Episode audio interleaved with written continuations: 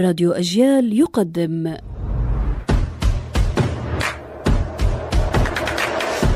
أصل الكلام عارف حجاوي بلف الدراجة شيء عجيب. هو يسمح بدخول الهواء عندما تنفخ العجلة ولكنه يمنع خروجه.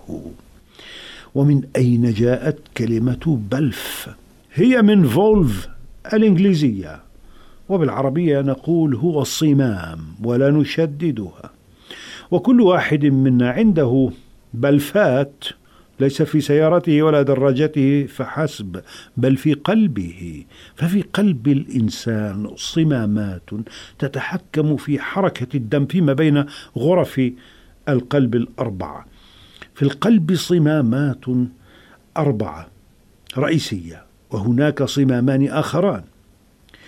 وقد صنع الإنسان مضخات عظيمة للنفط والمجاري ولكل الأجهزة ولكنه لم يتمكن من صنع صمامات بدقة صمامات القلب.